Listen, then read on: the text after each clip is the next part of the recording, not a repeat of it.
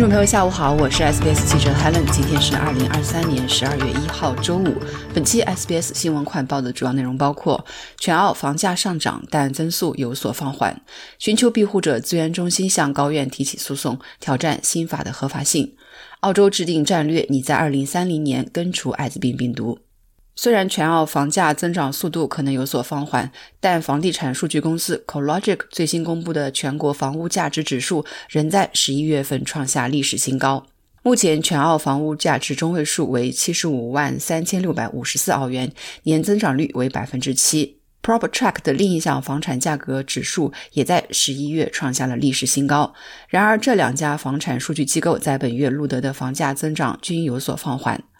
PropTrack 的数据显示，Perth 的 House 的中位价涨幅最大，达到了六十六万六千澳元，上涨了百分之十三点三三；而达尔文霍巴特的 House 的中位价分别下跌了百分之一点九七和百分之三点零一。各州的 unit 类型房屋的价格情况类似，但布里斯班的涨幅最大，同比增长了百分之九点一七。CoLogic 指数增长了百分之零点六，是二月份开始的最近连续增长中最小的月度涨幅。CoLogic 的月度数据显示，不同城市的情况各不相同。墨尔本下降了百分之零点一，悉尼微弱上升了百分之零点三，这是整个增长周期中最小的增幅。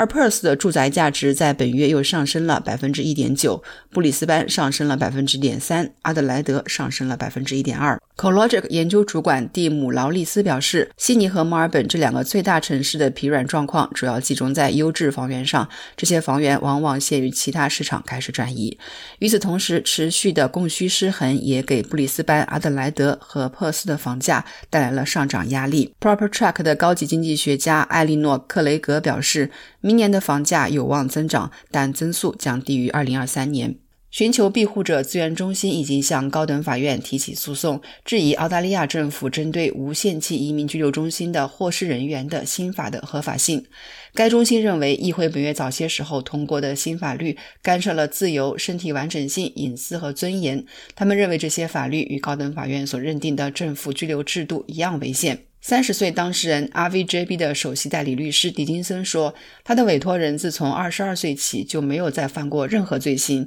并认为新的过桥签证条件具有破坏性且毫无道理。”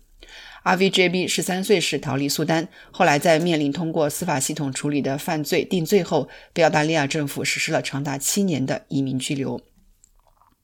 世界艾滋病日之际，在纪念受艾滋病影响的个体生命之际，澳大利亚誓言要在二零三零年前杜绝艾滋病的病毒传播。澳大利亚艾滋病工作组的一份报告提到了到二零三零年根除艾滋病病毒的战略。在澳大利亚，目前有近两点九五万名艾滋病病毒感染者，新感染率在过去十年中下降了一半。这个特别工作组的主席、卫生部长巴特勒说：“虽然澳大利亚的艾滋病应对措施给人留下了深刻印象。”但要彻底杜绝传播，还需要做更多的工作。全国艾滋病感染者协会的执行主任科格尔说：“澳大利亚正走在永久阻止艾滋病传播的正确道路上。”好了，感谢收听 SBS 新闻快报，在任何播客平台搜索“新闻快报”，点击订阅，开启消息提醒，即可了解澳洲国内外新闻及社区信息。